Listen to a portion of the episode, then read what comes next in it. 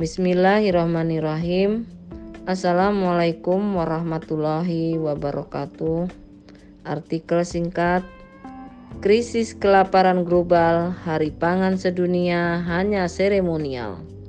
Penulis Nindira Aryudani, SPI MSI. Peresume Neni Rimbawanti. Tanggal 16 Oktober adalah Hari Pangan Sedunia atau World Food Day. Tak hanya merayakan makanan yang dikonsumsi, Hari Pangan Sedunia juga meningkatkan kesadaran bahwa masih banyak orang-orang yang tidak bisa menikmati perayaan ini. Perang melawan kelaparan. Dunia mengalami kemunduran besar dalam perang melawan kelaparan alias sedang krisis kelaparan global. Namun sekarang laporan terbaru terkait indeks kelaparan global atau Global Hunger Index GHI yang dikeluarkan oleh World Hunger Life dan Concern Worldwide mengindikasikan bahwa perang melawan kelaparan sudah sangat keluar jalur. Skor GHI menunjukkan kelaparan global menurun sejak tahun 2000, tetapi kemajuannya melambat. Skor GHI dunia antara tahun 2006 dan 2012 turun dari 25,1 menjadi 20,4. Indonesia memiliki skor 80,0. Skor ini skor ini menunjukkan Indonesia memiliki tingkat kelaparan yang sedang.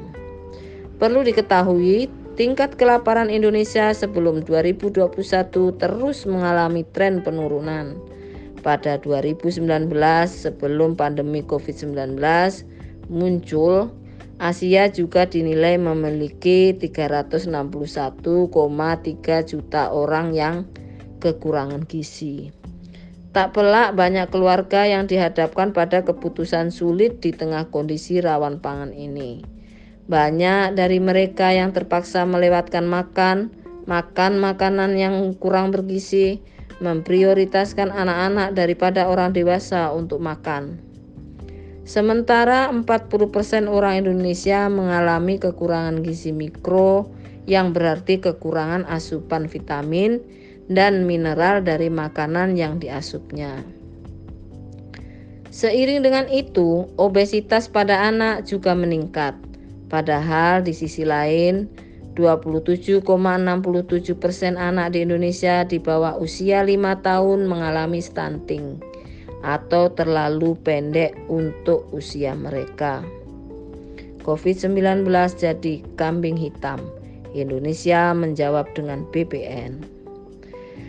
Mencermati hal ini tampaknya tak sepenuhnya benar jika menjadikan momentum pandemi COVID-19 sebagai kambing hitam peningkatan skor kelaparan global. Di Indonesia sendiri, fluktuasi harga pangan juga tak terhindarkan dari yang sebelumnya inflasi sebagaimana kasus harga cabai dan minyak goreng. Mengutip pernyataan pemerhati kebijakan pertanian dan pangan Emilda Tanjung MSI di muslimahnews.com, Kelahiran BPN akhir Juli lalu seakan menjadi angin segar. Namun apalah daya, disinkronisasi kebijakan dalam negara demokrasi neoliberal sudah bukan rahasia. Apalagi ternyata pembentukan BPN ternyata tak dapat dilepaskan dari Omnibus Law Cipta Kerja nomor 11 tahun 2020. Padahal undang-undang Omnibus Law ini nyata-nyata berpihak pada oligarki daripada rakyat serta mengakomodasi investasi dan kepentingan pasar.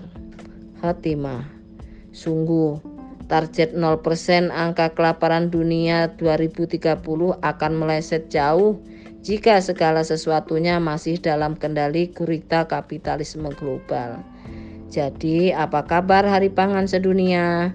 Tidakkah ini menegaskan bahwa peringatannya seremonial belaka? Wassalamualaikum warahmatullahi wabarakatuh.